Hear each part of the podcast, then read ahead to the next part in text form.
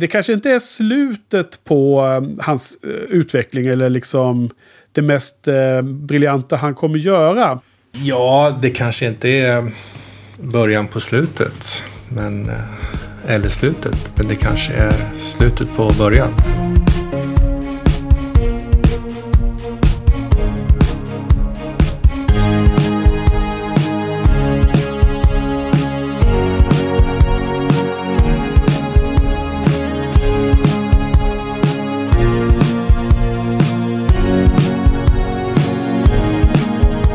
Välkomna till Shiny-podden eh, säsong 6 avsnitt 5. Med mig Henke och vid min sida har jag Frasse. Så välkommen Frans, kvällens poddning. Tack så hjärtligt. Hur står det till? Jo men det är väl helt okej. Okay. Förutom att det är den här förbaskade hösten och mörkret som har lagt sig över landet. Lukta. Och det är tråkigt. Jag tycker. Så att... Eh, det är lite härligt att komma tillbaka och prata om Hitchcock nu då. För att eh, nu tror jag faktiskt att vi börjar närma oss en fas i hans karriär som väldigt många ser som liksom, eh, att den här filmen vi såg till idag då, som heter Suspicion från 1941, att det är något av startskottet till hans, eh, liksom, eh, att det blir bara bättre och bättre och bättre och att det då landar i hans eh, eh A-listefilmerna från Hitchcock som kommer här då ungefär tio år senare än, än den här filmen eller vad det kan vara. Eh, men att det här, här liksom den här utvecklingen går starkt uppåt har jag läst någonstans. Ja, ja. Jag måste fråga först, har vi något i inboxen eh, från något av de två senaste avsnitten? Jag tror att vi har något från det, eh, avsnitt tre, va? Med eh, eh Foreign Correspondent. Ja, precis. Jo, det stämmer. Vi pratar ju om något som heter mattmålning, matte painting. Och eh, Sofia ifrågasätter om vi verkligen hade det helt korrekt. Jag tror vi fick det från... Antagligen inte va? vi fick det från någon dokumentär. Va? Då vi, får, ja. vi får skylla på dokumentärmakarna att de använder termen lite löst. Själv, själv känner jag inte till den här termen. Jag är inte så filmteknisk. Men däremot har jag blivit hypnotiserad av en eh, Chaplin-klipp. Ett Chaplin-klipp som Jojo Nito delar med sig här. Där man ser ja. Det är otroligt fascinerande. Man ser hur han nästan faller ner i en avgrund men så visar det sig att det bara är en målning. När de drar, bort, drar kameran bakåt. Tittat på den ja, om och om igen. Det går inte att sluta. Vad härligt. Så du är något av en matte painting-expert nu då efter detta? Ja, jag har blivit en, en fantast. Ja. Nej, nej men jag, jag har väldigt dålig koll på sådana här tekniska grej hur de gör saker. Så jag blir alltid som ett litet barn fascinerad över de enklaste saker. Ja. Ja, eh, nej men det var en lustig litet klipp, han, eh, eller en, en video där som han delade med sig. Så det får vi tacka för. Eh, både Sofia och jag var inne på samma fråga om huruvida det var rätt eh, benämning eller rätt uttryck, som, eh, rätt teknisk term som användes. Och eh, det var väl säkert helt fel, men jag tror att det finns matte painting då var fel, men att det finns andra typer av mätt, eh, någon, någonting vad det nu ska heta. Eh, det var någon form av komposit med mätt, så att jag vet inte heller exakt där i efterhand. Eh, det, poängen är kanske då att det var själva beskrivningen av hur det gick till, att de använde sig av två olika filmer som de eh, satte ihop i alla fall. Manuellt. Ja, eh, dagens film Suspicion. Vad har vi för någon handling där? Har vi hittat någon synopsis att eh, läsa eller? Wealthy, sheltered Lena McLadlow is swept off her feet by charming Nedowell, Johnny Aesgarth. Though warned that Johnny is little more than a fortune hunter, Lena marries him anyway and remains loyal to her irresponsible husband as he plows his way from one disreputable business scheme to another. Gradually, Lena comes to the conclusion that Johnny intends to kill her in order to collect her inheritance.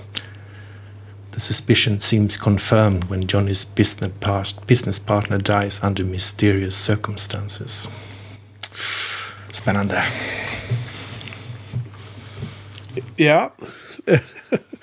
ja, och eh, vi måste påminna igen om att eh, Frans, att vi, vi spoilar ju jättemycket om filmen här nu då. Så att om folk vill se den här och eh, känna någon spänning eller någon eh, förväntan om eller någon, eh, någon suspicion här om, om hur slutet ska bli.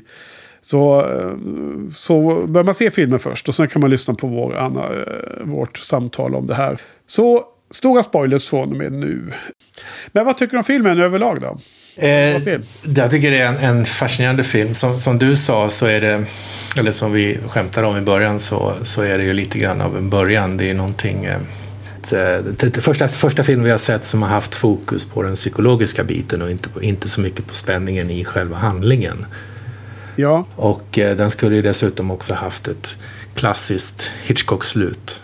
Som är väldigt eh, obarmhärtig med tittaren. Man tvingas till själv, antingen självinsikt eller självförnekelse. Det går inte att bara titta på den blankt och, och, och det.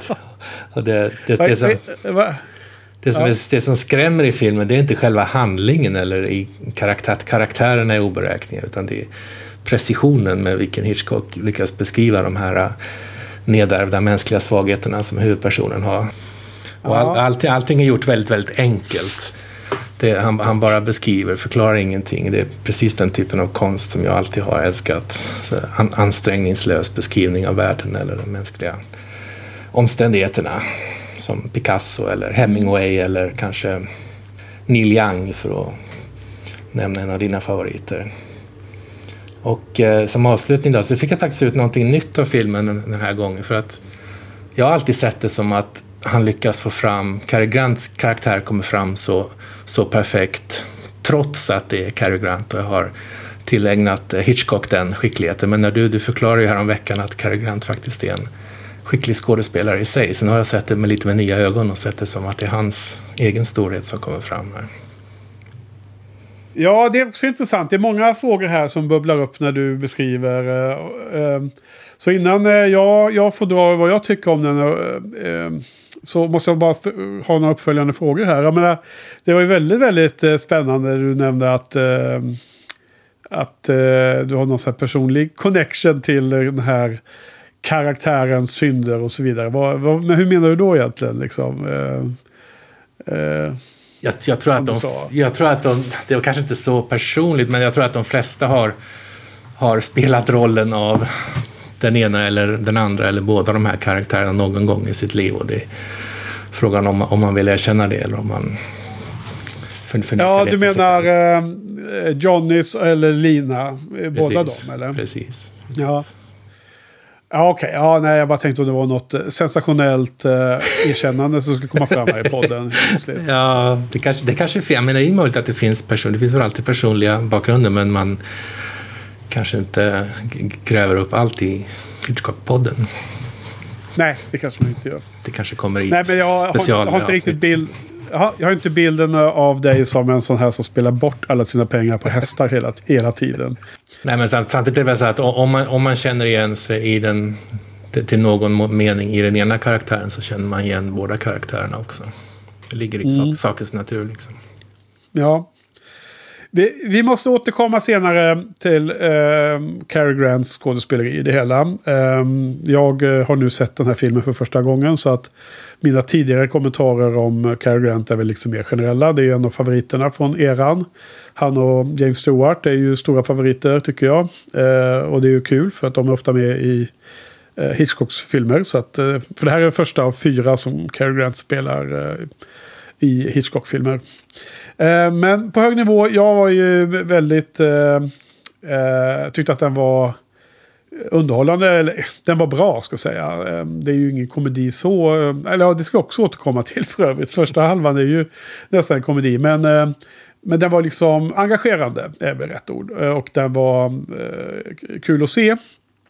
Och sen så var jag så pass inne i filmen att jag direkt tittade vidare på en Eh, ja, dokumentär om filmen och om bakgrunden och allt det här som du kanske har läst dig till en del just det här om slutet och så som eh, skiljer sig mot boken, bokförlagans slut. Eh, och då blev jag ännu mer fascinerad av en hel del saker i filmen. Så att det var ju som en del av min bearbetning av filmintrycket jag fick var också att, att se lite mer bakom kulisserna och fick lite större insikter runt filmen och lite vad, vad det var man hade sett. Så jag tyckte att den stärktes ganska rejält av den upplevelsen också, vilket var positivt. Då. Ja, Så jag, jag, jag, håller, jag tycker absolut att det, det är liksom... Uh, nu börjar det arta sig. Nu börjar det vara filmer som man... Det, det här var en av de starkaste skulle jag nog säga. De vi har sett hittills. Ja, det kanske är, det kanske är den bästa. Jag, Rebecca har alltid varit en personlig favorit för mig. Men den här kanske egentligen är, är bättre om man eh, blandar in lite objektivitet i subjektiviteten. Ja, vi ska alltid ha kvar våra personliga favoriter och så. Så det, det ska vi inte ta, ta ifrån. Men, men det är kul att höra i alla fall. Um, ja, det är ju Cary Grant som spelar den här, uh, den här skojaren. Och eh, charmerande och vackra eh, liksom societetsherren som egentligen är en skojare. Och sen är det då Joan Fontaine som spelar Lina av alla ord. Av alla namn man kan heta en amerikansk film så heter hon Lina. Um, och eh, hon fick då en Oscar för det här, eh, kvin bästa kvinnliga huvudroll. Även om då många eh, skjuter ner den här filmen lite och säger att hon egentligen fick Oscar för att hon då inte fick det för Rebecca då. Så att det var någon form av eh, eh kompensation då. Men eh, ja, jag tycker då att båda hennes eh, roller är, eh, alltså det är inte någon stor skillnad på på hur bra hon är i den här jämfört med Rebecca. Liksom det, det känns inte alls som att hon är dålig här. Utan det, hon är ju jätteviktig och jättebra för att få den här filmen att funka. Tycker jag i alla fall. Om Joan Fontaine, eller vad, vad, säger du? Jag tycker hon är fullkomligt lysande. Och jag tänkte faktiskt på den kommentaren när jag såg den. Att jag håller inte alls med om att... Eller jag förstår inte alls hur man kan, hur man kan tycka att hon fick det som kompensation. Jag tycker hon är helt, helt suverän i den här filmen. Hon spelar den karaktären ja. in i minsta detalj helt perfekt tycker jag. Ja, ja och det var ju liksom... Eh, jag, jag köpte aldrig hennes otroliga naivitet och oskyldighet och, och liksom i någon mening var så passiv och så självförgörande passiv som hon var i Rebecca. Och jag känner inte av samma eh, energi från henne i den här filmen. Eh, trots att hon spelar en i vissa mån ganska liknande karaktär. Alltså en oerfaren och eh, eh liksom anledningen till att hon eh, börjar låta sig charmas av den här Johnny är ju lite för att hon vill göra uppror mot sina föräldrar som bara tycker att hon är liksom en mes och liksom inte kommer bli något av henne och så här, du vet, där i början. Och, eh, så att jag, hon har ju liksom, det är liknande karaktärer men jag tycker att hon ger en helt annan eh, en mycket mer eh, välutvecklad karaktär i den här filmen. Och det måste ju vara ett tecken på bra skådespeleri då också. Och manus förstås. Också. Ja, men uh, ska vi komma till uh, Cary Grant då? Jag menar, ja, han är en stor favorit. Men uh, här tycker jag i den här filmen så var jag inte riktigt lika nöjd med honom. Några, med risk att slå undan benen för dig här. För du sa just att du hade studerat hans... Eh, om han var bra i den här filmen alldeles nyss. Så du får gärna kontra här. Men jag måste säga att han har en ganska svår roll. Och jag tycker att Eh, Eh, han ska spela charmig och samtidigt ska han ha vissa scener. Och han ska ha ett mörker i sig. Det ska finnas något som lurar under ytan. Och som ska komma fram i lagom mängd ibland. Och jag känner lite att det blir lite överspel i vissa scener i någon mening. Eller om det blir överregi. Alltså det blir för over the top. Um, jag hade gärna sett att, att han var mer likt eh, Joan Fontaine i att vara liksom så elegant i sin eh, leverans. Mm. Och inte göra de här stora svängningarna. Jag vet inte, hur, hur ställer du dig inför den eh, synpunkten mm. efter den här titeln?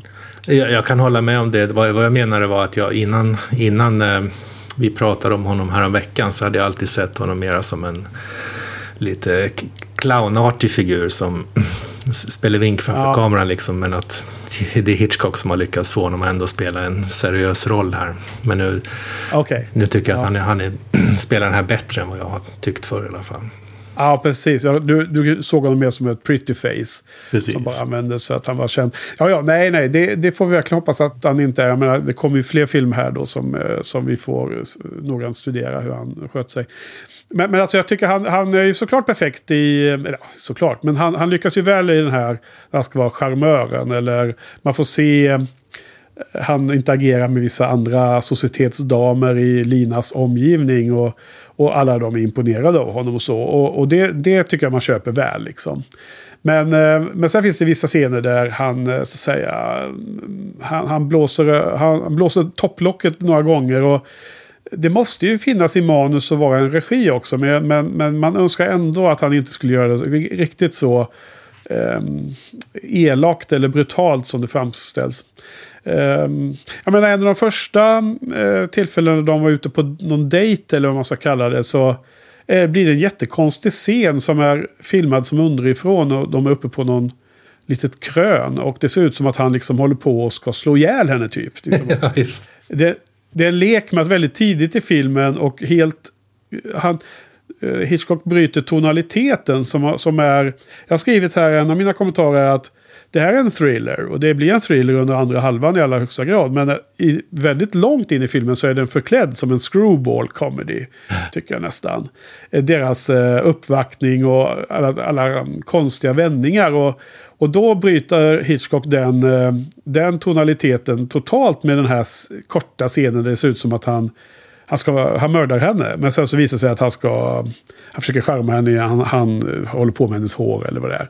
Liksom han, det är när, när kameran har zoomat in och man hör deras dialog och så, så förstår man att det inte var på allvar. Men, men vad tyckte du om den scenen? Kommer du ihåg den som jag beskrev? Ja, precis. Men musiken bryter till lite drama, dramatik och så får man se det på långt håll. Det ser ut som att de kämpar där. Han försöker, han försöker stjäla en kyss visar det sig. Va? Ja, det var det det var kanske. Ja, precis. Jag tycker jag bara, hans, jag bara kände, ja, hans, ja. hans förförelseteknik är intressant tycker jag. För att, ja. någon, du kommer ihåg, det finns ett Castle-avsnitt som är baserat på en bok som kom för 10-15 år sedan som heter The Game. Jag har inte läst den själv.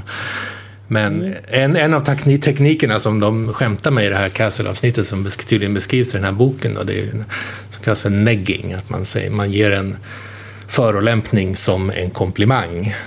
För att ja. få den andra personen att att sänka självförtroendet på den andra personen och få den att eh, söka validering.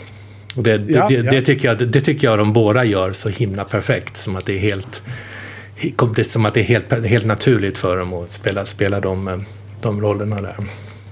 Ja, Just det, jag, jag, känner väl till boken The Game. Jag har inte heller läst den, men jag vet vad den eh, går ut på. Och, uh, det var inget jag kopplade direkt till tanken när jag såg filmen, men det... det um, ja, ja, man, man känner ju ganska tidigt att uh, trots att man då tror att Cary Grant ska spela en mer positivt beskriven karaktär. Det var ju faktiskt min uh, grundinställning, absolut. Att jag man har liksom med sig det bagaget att det är ändå Cary Grant och då ska han vara hjälten. Liksom. Men sen så blir han bara mer och mer weird tycker man under filmens gång. Och då blir det mer och mer obehagligt. Eller, liksom, eller bara att det är en känsla av att det är något som inte stämmer. Ja. Det kanske kom lite från sådana typer av uh, uppvaktningar också. Även om man inte har noterat något av det specifikt. Då. Ja, han är, han är väldigt manipulativ och det är det jag tycker att han har fått fram väldigt bra. Som du säger, att insikten att han är mer manipulativ än man först förväntar sig, den, den växer långsamt. Ja, precis. Det, det, har vi en eh, det är något som du har eh, nämnt tidigare, det här liksom både med Jamaica In och Rebecca, att det som fördelen i de här böckerna och i, i Rebecca där det funkar bättre i filmen var liksom just att det är något som långsamt växer, väx, växer fram då, en slags insikt om att någonting är på ett visst sätt. Så det, det används här också då ju. Precis. Ja. Eh, precis eh, vid sidan av Jojjes spaningar om höga höjder som vi också kommer till här sen om en stund så har vi ju en annan spaning och det är att det nästan alltid är mer tågscener. Och, och det, det, är ju också i här då i början där hur man uh, introducerar honom. Va? När han kommer in i en kupé i just första det, klass. Det. Uh, det. är ju på tåget och man får nästan en liten vibb av den här du vet Rivierans guldgossar du vet med Steve Martin och Michael Caine då. Komedin där från 86 eller vad det är. men, men inte riktigt. Men där, där ser man ju direkt att han är någon slags den udda att han då har inga pengar och han, eh, han, han lurar nästan av henne de här pengarna. Han får henne liksom att, att eh, domdera henne lite och, och liksom får henne att betala hans biljett och alla de här Med ett frimärke som man dessutom lyckas övertala konduktören att ta emot som betalning. ja, precis. Ja. Men jag tänkte faktiskt ja. inte på Rivierans guldgossar i den filmen. Jag tänkte på Eurotrip. Ja, Eurotrip med han italienaren ja. Vi ska det är samma scen. Ja, de kommer ut i en tunnel och så helt plötsligt är han där. Fast, eh, fast Cary Grant behöll eh, sina byxor på sig den här gången. Mm. Just det.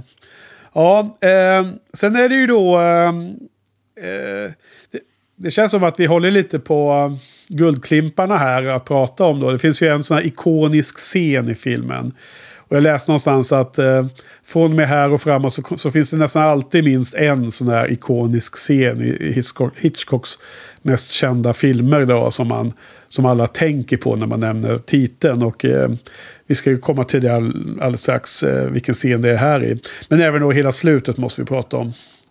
Eh, vi kanske ska ta den ikoniska scenen nu direkt. Eh, ja, jag är nyfiken. Ja, du är nyfiken. Eh, nej, men det finns en scen mot slutet när Cary Grant eh, går upp för en trappa med ett glas mjölk. Som han ska ge en eh, godnatt, eh, för att gå och lägga sig och sova mjölk liksom. Eh, som verkar vara något, något som finns i film i alla fall. Jag, jag vet inte hur, mycket, hur vanligt det är i verkligheten. Men på film är det ofta så. Och då går han upp för en trappa där eh, i deras hem. Och eh, det är den scenen. Okay. Som är supernice fotad. Eh, och det är det faktum att Hitchcock då gjorde också en, en praktisk specialeffekt i detta. Så att det, eh, det lyser om glaset. Och filmen är ju svartvit mm. och det är supernice, superschysst filmat. Och mjölken lyser ju av sig själv. Så det, man, man liksom blir nästan förhäxad av det här glaset som står på en silverbricka som han bär då i handen. Eh, som, en, som en betjänt. Och det här glaset så har alltså Hitchcock en liten, en liten lampa i med ett litet batteri som är i vätskan, i mjölken. Och som lyser upp den inifrån. Eh, och den, den scenen är otroligt eh, suggestiv och bra tycker jag.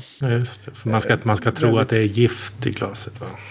Exakt. Eh, det är det man ska tro. Och, och det är också väldigt eh, viktig stor del i den här filmen. Det är ju som jag också tycker nästan gör att filmen blir lite mer eh, fascinerande.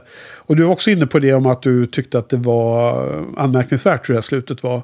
Så att vi har alltså en, eh, en bok då som den bygger på. Den boken heter i alla fall Before the Fact. Och sen så skrev man om då manus. Um, och lite oklart vem som valde det. Uh, vill du dra vad, vad skillnaderna var eller?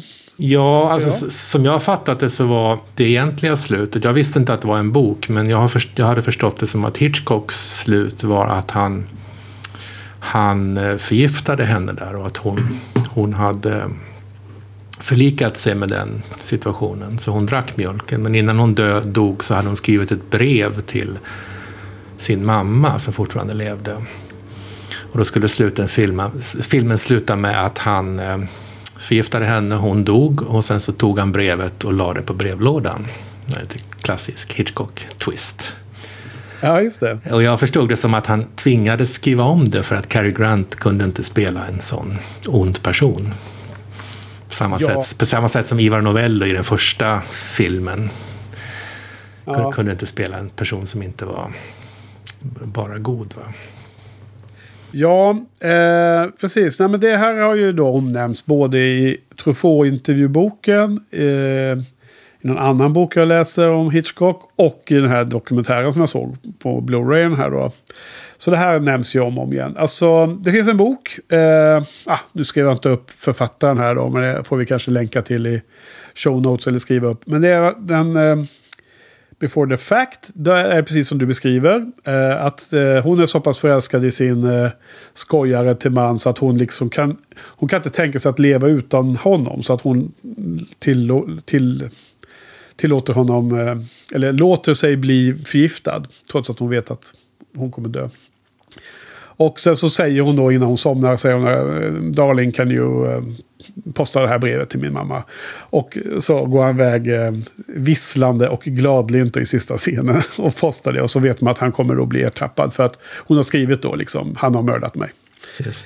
Men, men det var ju som, det var taget från, så skulle det varit om han hade skrivit manus från boken. Men, men enligt de flesta källorna så är det någonting som man bestämde från första början från filmbolag och annat.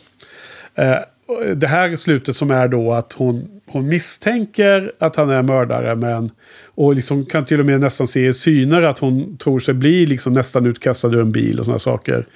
Eh, uppe på de här höga klipporna, allt det här Joy-spaningen. Men, att, men sen visar sig att han är helt oskyldig och att hon har bara misstänkt honom i, i helt felaktigt då. Så att det har ett lite, lite annorlunda slut. Kanske. Ja, precis, kanske. Ja.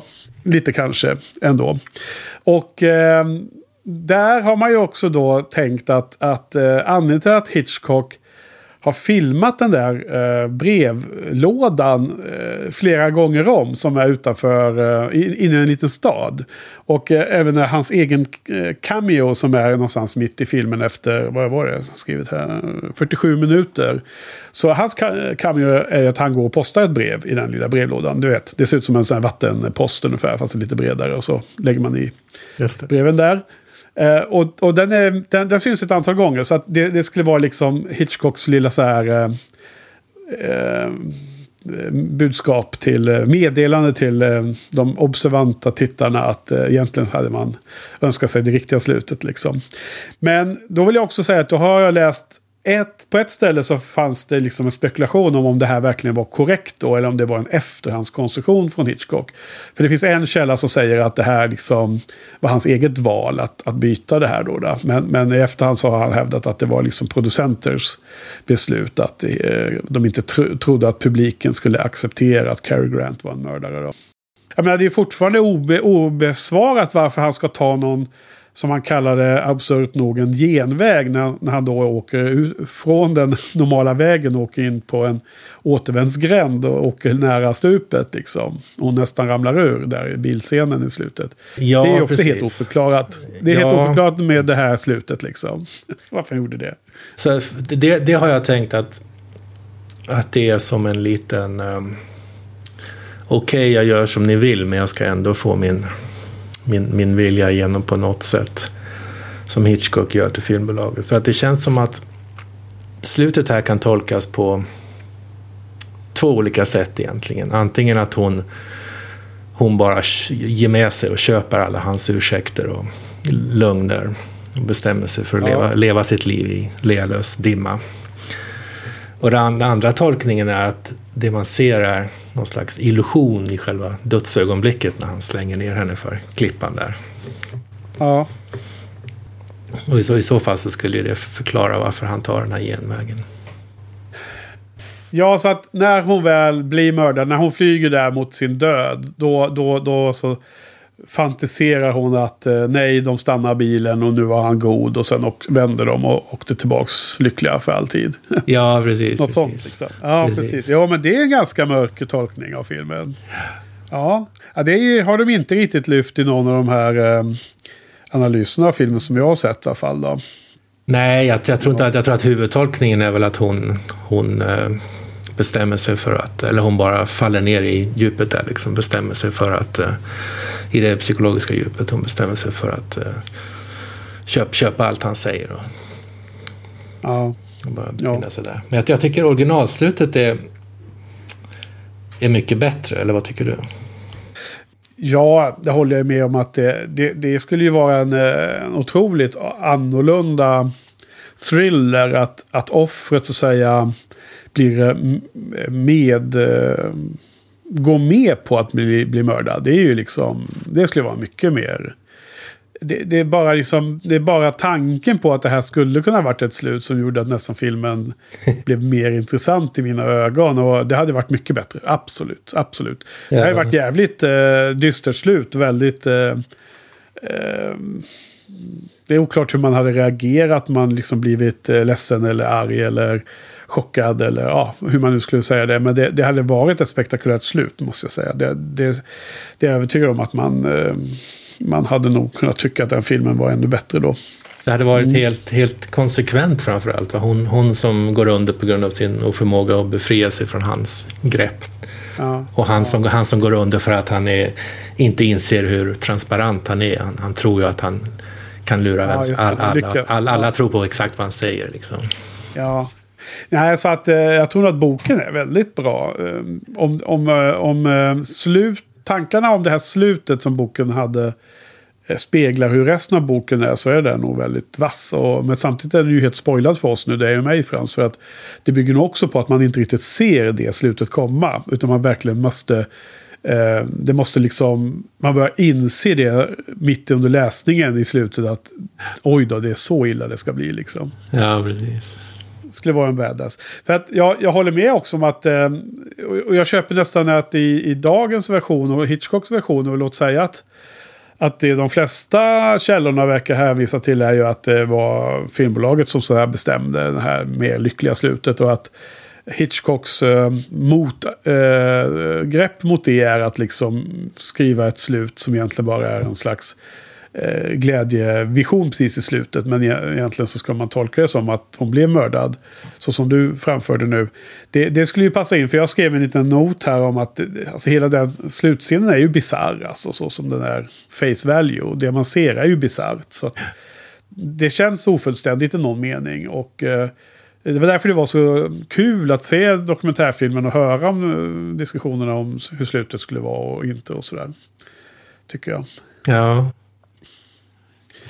Ja, men det, då har vi täckt in de här två sakerna i alla fall. Både den ikoniska scenen med, med mjölken och dels hela slutet då. Jag menar det, det, det är väl det. Ehm, men första halvan av filmen så är det ju egentligen tre personer det handlar om. Det är ju Johnny och så är det hans fru Lina och så är det ju hans eh, bästa vän där då. Eller så här, eh, som är en lustig snubbe som heter Beaky.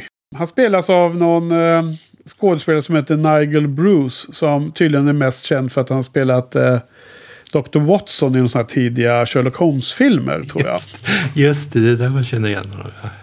Ja, du vet de eh, tidigare med Basil Rathbone som Sherlock. Mm, så är han med här. Och han, han, är ju liksom en sån här eh, gamäng och eh, han verkar ha pengar och han verkar vara glad i konjak och god mat och äter eh, liksom fasan till middag och sådana saker. Så att, och, och liksom, han är, han är på gränsen till fånig hela tiden. Och liksom det är hela tiden en känsla av att det är liksom så här screwball comedy över det hela. I liksom nästan alla scener han är med i så är det liksom en lätt så här förvräng, förstärkt dialog som är lite så här eh, over the top och inte riktigt realistisk. Utan det är den här liksom, ja, eh, dialog i overdrive lite så. Ja, han, han har en rolig, rolig historia när han, eh, han ska berätta om en... Eh, eh, han, han gick på Champs-Élysées och träffade en, en trevlig, trevlig kvinna. Som han tyckte. Ja. Så, men så inser han att det kanske inte var lämpligt för hustrun. Så han avbryter sig mitt i historien. Ja. Tycker jag var ganska roligt. Var det, var det också igenkänningshumor eller? Nej. Verkligen inte. Det, att, eh, att moderera sig själv med anledning av uh, vad som går hem och så. Är skämt och så. Nej, mm. kanske inte. Um, ja, nej men uh, vad, vad tycker du om honom då? Var han, ja, visst var han kul och så, men igen så är... Uh, det låter som att det är kritik och det kanske i någon mening är lite också. Men jag menar, tonaliteten i, i filmen är ju lite all over the place kan jag tycka. Om man nu ska vara på det humöret. Liksom, det, håller du med? Uh, det, det, det, är ingen thriller rakt igenom direkt, eller? eller? Nej, nej, det är det inte. Den börjar ju, börjar ju ljust och lustigt och sen blir det mörkare och mörkare. Ja, precis. Och, eller, eller är det så att det, eh, är det medvetet att det ska vara den här super glassiga tonaliteten och att det ska vara skojfriskt. Men att det ska finnas det här orosmomentet som ligger ruvar under ytan hela tiden. Som har, som har liksom satts där från tidiga scener när, när Cary Grant är konstig på tåget. Och när han är konstig på den här... Eh, han försöker stjäla den här kyssen eller vara uppe på höjden. Men det ser ut som att han försöker slå ihjäl henne och så här. Ja, kanske. Ja, ja. det är i alla fall... Eh, det funkar som helhet, men det var en eh, intressant resa, om man säger så. Ja, den här, den här eh, karaktären, eh, Nigel Bruce, han, han, kan ju inte vara så mycket smartare och, ändå, och ändå råka ut för samma öde som han gör, va? Ja, eh, men då måste vi fråga, hur tolkar du egentligen storyn? Du, du tolkar det som att det är Cary Grant som åkte över och mördat sin vän, eller? I Paris? Det, det tror jag. Ja. Ja, jag, som jag läste det så var han... Eh, ja, jag vet inte. Han, han hävdade att han var någon annanstans. Och eh, han inte var i Paris. Han säger att han var i Liverpool va? Eh, alltså vi, vi, såg ju mest han, eh, Cary Grant, som spelade en roll. Johnny spelade en roll hela tiden för henne. Men vi såg ju hans äkta jag komma fram ibland. Det var någon gång han blev arg och liksom, det kändes som att man, man såg hans äkta jag. Och jag tyckte att man såg hans äkta jag också tillsammans med den kompisen. Eh, så att jag, och hans, men samtidigt har jag kanske bara blivit blåst då av Hitchcock och Company. att, eh, att uppleva det här som att han var oskyldig till mordet. Men jag fattar som att, eh, att det var ett sammanträffande som var liksom bara ödesironi. Att det här Beaky, att han kunde träffa på en shady person och bli rånmördad känns ju inte helt orimligt så som han betedde sig, så som han var liksom. Så aningslös och så att, så att jag vet det faktiskt inte. Men, eh, men det är jätteintressant att höra att du tolkar som att det var så, så illa att uh, Johnny här hade alltså dödat sin gode vän. Uh, vi får fråga lyssnarna, de som har sett filmen, om de kan pitcha in med sin tolkning av just denna väldigt så här, specifika detalj i filmen. Uh, om det var Johnny som dödade sin vän eller inte. Jag måste säga att jag, jag, jag har inte lagt ner någon större tankeverksamhet på det. Det var bara så jag så jag trodde det hade gått till, men det... Ja, men det är ju good enough. Båda, båda versionerna funkar, tycker jag. Ja, alltså tidigare i filmen så har ju eh, Lina haft någon slags vision eller tankar. Tankar om, eh, hon, hon börjar misstänka sin man och det, de sitter på någon middagsbjudning. Som för övrigt också tycker jag återkommer lite då och då i, i Hitchcocks filmer. Och då så tänker hon sig eh, så här, åh han har dödat, eh, eller är det tidigare, kommer inte ihåg. Han har dödat Biki tror hon i alla fall. Och sen så ser hon i, i, i, inom sig eh, liksom hur det har gått till när de åkt eh, bort till det här kuststräckan med de höga klipporna. Och så ser hon ju hur Just. Blir nedputtad. Och där har vi Jojo-spaningen igen också då. Eh, men, men, men sen visade det sig att nej, men så var det, hade ju inte det hänt. Så att det ligger i filmens eh, Eh, liksom, eh, berättelse att hon redan har trott det här en gång. Och då är frågan om, om, om det bara ska bli så att det hände sen. Eller om det ska vara så att, att, att han ska bli anklagad för det igen men att han, han inte gjorde det. liksom. Just det. Men, men eh, är, du, är du överens om att han försöker lura Beaky och hans pengar? Och han, han gör ju inte det till slut. Men det är inte för att han ångrar sig utan det är för att han inser att han är avslöjad av henne. Det är inte så att han, han ja. plötsligt drabbas av sympati för sin vän, utan det är så att han inser att han inte kommer att komma undan med det. Nej, men som jag kommer ihåg det och som det känns för han säger ju att hans scheme byggde ju på en eh, omöjlig plan. För han säger så här, vi ska köpa land och sen ska vi sälja en dyrare. Det är liksom, då kan ju alla bli rika. Om man bara säger, ja men det är en bra plan. Det är vilken business model liksom. Vi köper en plats här och sen, sen så blir det automatiskt mer värt. Och så säljer vi dem. Så att hans, hans eh, plan är ju dålig. Men, men det bygger på att de, de startar ett företag. Så att pengarna i företaget är delägt av dem. Och sen dör Biki.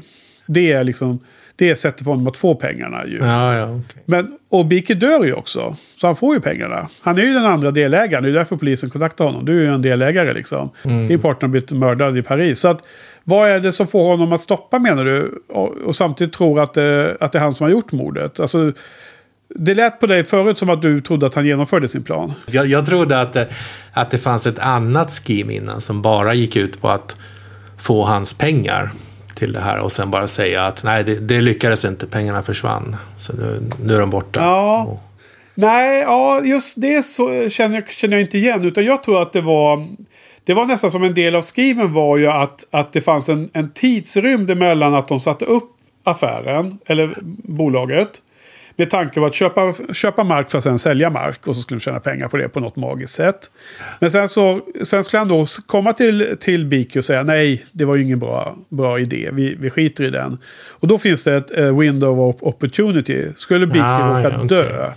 Okay. Mellan den dagen de bestäms för att skita i affären och att de hade upplöst det här. Eh, den, det var ju viktigt för honom att de var delägare båda och så är ju. Ja, det var en, en fler, flerstegsplan som var alldeles för avancerad, ja. avancerad för mig. Och, och då är ju frågan om man ska tro att han var mördaren eller inte. Och då, då får man ju liksom, får man gradera hur, eh, hur nära helvetet han, han ska, hur nära djävulen han borde vara liksom, den här Johnny. Ja, han är ju ganska Ja, nära. För han har ju, han har ju inga, inga problem att sälja hennes arvgods där i början, stolarna. Ja. Precis, han säljer de här stolarna är det ju. Det en, enda, sen hon har, enda hon har kvar från sin familj, liksom, det som betyder allt för henne. Det, det säljer han ju bara med en ax, axelryckning. Så att, Ja, för att han ska spela på hästarna. Och sen så köper han ju tillbaka dem förvisso. Och gör henne glad igen ju. Men då köper han tillbaka dem med, som han säger, eh, vinster från eh, spel och dobbel. Men egentligen har han stulit, stulit dem på jobbet va? Eller vad ja, precis. Att det finns ju inte så mycket mänsklighet kvar i honom. Kan man inte påstå. inte. Du, eh, ska byta spår lite här. Eh, middagsscen kommer jag tänka på. Det var ju, eh, eventuellt kommer jag ihåg fel där med hennes vision av mordet på Beaky som inte hände. Men det var i alla fall en mi- middagsscen och eh, där eh, Johnny och Lina är inbjudna till den här eh, crime-författarinnan som har en liten biroll där. Där Johnny liksom lär sig via hennes böcker om olika metoder att mörda utan att bli upptäckt och sånt. Just. Kommer du ihåg? Och det, det är ju en eh, lustig scen och hon har någon eh, broder där som är obducent eller liknande som sitter och pratar om eh, ett gift, som, ett nytt gift som finns som, som inte eh, lämnar någon, eh, något spår och de pratar om arsenik och allting. Eh, det var lite lustig, eh, eh, vad heter det, vad blir det, femte person som satt runt bordet som var en eh, en kvinna som var klädd i eh, smoking eller liknande. Och som såg ut som en man också. Hon hade liksom stylat sig som en man. Men, eh, och så. Och där, där såg jag att det var spekulerats i att det skulle vara eh, den här kvinnliga crimeförfattarens älskarinna som var medbjuden. Eller hennes partner på den eh, middagen. Ja, precis. Var, var, det, var, det var det uppenbart för dig? Eller? För jag, jag tänkte inte så långt när jag såg det. Utan det var något jag eh, läste i efterhand. Jo, men det, det trodde det jag också. uppenbart? Det trodde jag också. Ja. Jag bara, fan, jag bara missade det då. Ja. Nej, men det var ju lite, lite modernt ändå. För att vara från 41, eller? Varför hade han med den scenen? Jag vet, jag vet inte. Jag vet inte. Det kanske var med i boken. Ja, I, i, i vissa, Ja. vissa avseenden så var folk mycket mer moderna förr än de är nu. Det, ibland är det svårt, Ja. att, svårt att, att få tajmingen rätt här känns det som. men alltså. Vi ska inte över... Ja, absolut. Det, det är ju det är bra att kommentera det. Och det är kul. Det, det ska kolla efter det mer. Och det är, det är bara roligt. Och det är lustigt att se sådana där saker. Hur det, vad som funkar och inte funkar i olika eh, filmdecennier om man säger så. Det, det är saker som, som kommer och går och så. Men, men, men en annan tanke du sa här att det fanns i boken. Vi- Vi ska bara observera att boken är ju bara en, en, lö, en förlaga. Jag menar, det är ju inte... Det här är ju inte skrivet ett manus som är liksom en, en, en ren avskrivning av boken. Utan det är ju hans go-to women här liksom. Det är ju Alma Reville som är Alfred Hitchcocks fru. Och så är det Joan Harrison som är den här sekreteraren som jobbade mer och mer med manus och senare blev, liksom gick vidare i filmvärlden och blev manusförfattare och, och inte eh, så att säga jobbade bara för Hitchcock. Det är de två som har skrivit manus på den här, den här filmen. Eh, och sen då så gissar jag att eh, någon från studion och producenterna har krävt. Så då är det mer erfaren eh, American playwright som heter Samson Raphaelson som hade gått in och eh, piffat till, eh, liksom lagt sista handen runt manus. Så det är de, de som har skrivit eh, det här eh, manuset. Och han, eh, han, han har varit med och skrivit eh, Trouble in Paradise och The Shop Around the Corner och Heaven Can Wait. Det är många så här filmer som man känner igen som eh, så här superklassiker som man skulle ha sett från de här, från här 30-40-tal. Så att eh, jag gissar att boken eh, är såklart en eh, förlaga. Men jag tror inte att liksom en sån detalj eh, liksom måste vara kopierad från boken. Utan det kan nog vara eh, paret Hitchcock som, eh, och, och den här sekreteraren som har liksom tänkt ut sådana saker. Tror jag. Ja, Lika gärna. precis. det, kan, det kan ju bygga på någon de, någon de kände också. Ja. Ja, okej. Så det var inte så sensationellt. Du hade redan koll på det. Eh, vad har vi mer då? Eh, jag tyckte, lade du märke till när, i första tågscenen att han uppgraderade sig från tredje ja. klass till första klass? Ja. Med en, en spydig kommentar också va? ja, precis. Att han hade betalat eh, första klasspriset för en tredjedelsbiljett. För, för det, var, det var så på den tiden att det fanns inte andra klass. De, när de in... Jaha, nej den, den delen fattade jag inte. Hur kommer det sig då? Ja, därför att ing, ingen ville köpa andra klassbiljetter. Antingen var man, hade man råd att köpa första klass eller också ville man spara och då köpte man tredje klass. Så att de var tvungna att ta bort andra klass. och då, då, då, står det så här på Wikipedia om den eh, utvecklingen. It caused scandal now difficult to imagine. Ja. Lustig kommentar. Ja, verkligen. Det är ju någon lustigkurre som har skrivit den artikeln. Alltså. Ja, så det har inte varit fel nog för att communityn har rättat det. Precis. Det hände på, ja, på 1800-talet. Ja, okej. Okay.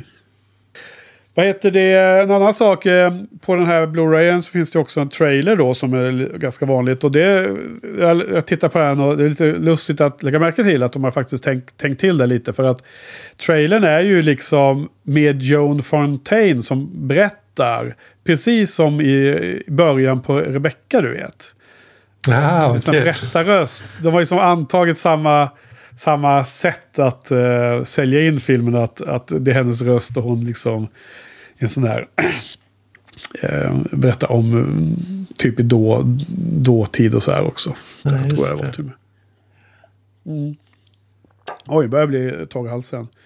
Ha, eh, mer då? Har du några andra spaningar? Några andra spännande mm. aspekter om det här? Nej, men jag har en fråga. Finns det någon... Ja. Jag försökte hålla utkik, äntligen kommer jag ihåg att hålla utkik efter en sån här MacGuffin. Men, men jag hittar ingen. Finns det någon? Nej, precis. Eh, instinktivt nej, skulle jag säga. Eh, och det är inte den typen av mysterium heller. Det här är ju ett relationsdrama. Och en MacGuffin är ju typiskt en spionhistoria eller så va? Okay. Eller eh, oskyldig oskyldig man jagas. Kommer de ju in. Ja, det, det är eh. någonting som är viktigt för karaktärerna men inte för tittaren. Va? Exakt, det, det viktiga för oss som tittare är ju bara att vi ska var, förstå att karaktärerna bryr sig om det McCuffin. Eh, vi ska förstå att det är spännande huruvida man hittar den eller inte. Eller vad det nu kan handla om. Eller får reda på hemlisen eller inte. Mm. Så att det, där passade väl inte riktigt in den här typen av film. Och, och det var ju samma sak med Rebecca. Va? Där finns inte heller någon McGuffin. Och inte heller Mr. och Mrs. Smith och så vidare. Så att nej, det, det är väl där som eh, tydlig skiljelinje. Vilken typ av film det är. Mm. Ja, nej men det är bra. Något mer? Eh, jag är faktiskt eh, tabberas på kommentarer. Ja, nej men så eh, överlag tycker jag att det här var ganska nice faktiskt. Eh, eh vi får ju givetvis återkomma med någon form av topplista eh, i slutet av säsongen som vanligt.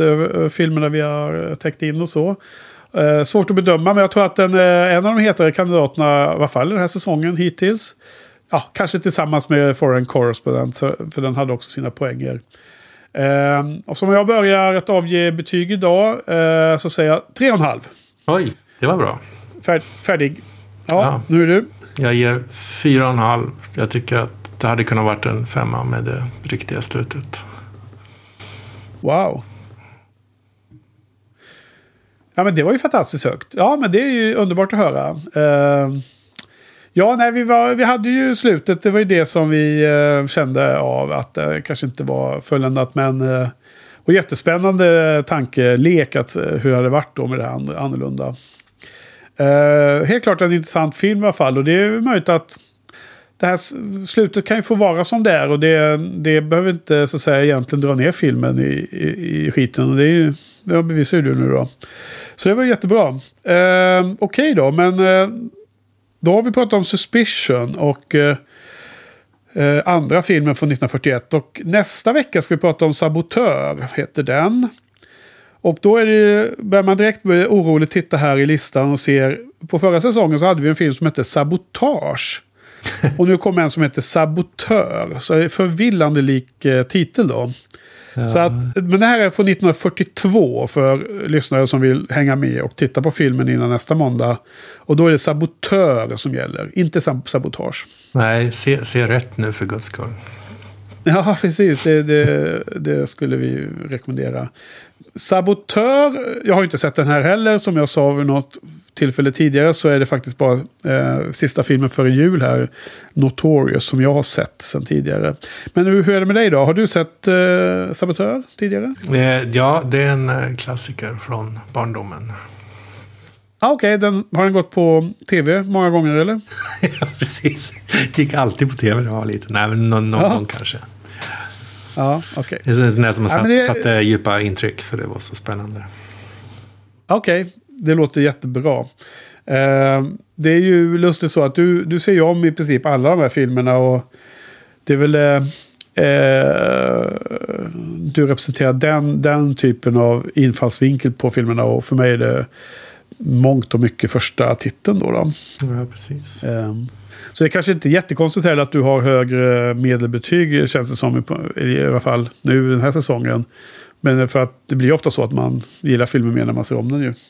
Ja, och det finns, finns ju en anledning till att vi gör den här podcasten också. Ja, absolut. Precis. Ja, nästa veckas film är 1.49 så att det är ju eh, inte anmärkningsvärt kort men, men ändå under två timmar och det, det får man ju tacka för då. Ja, just.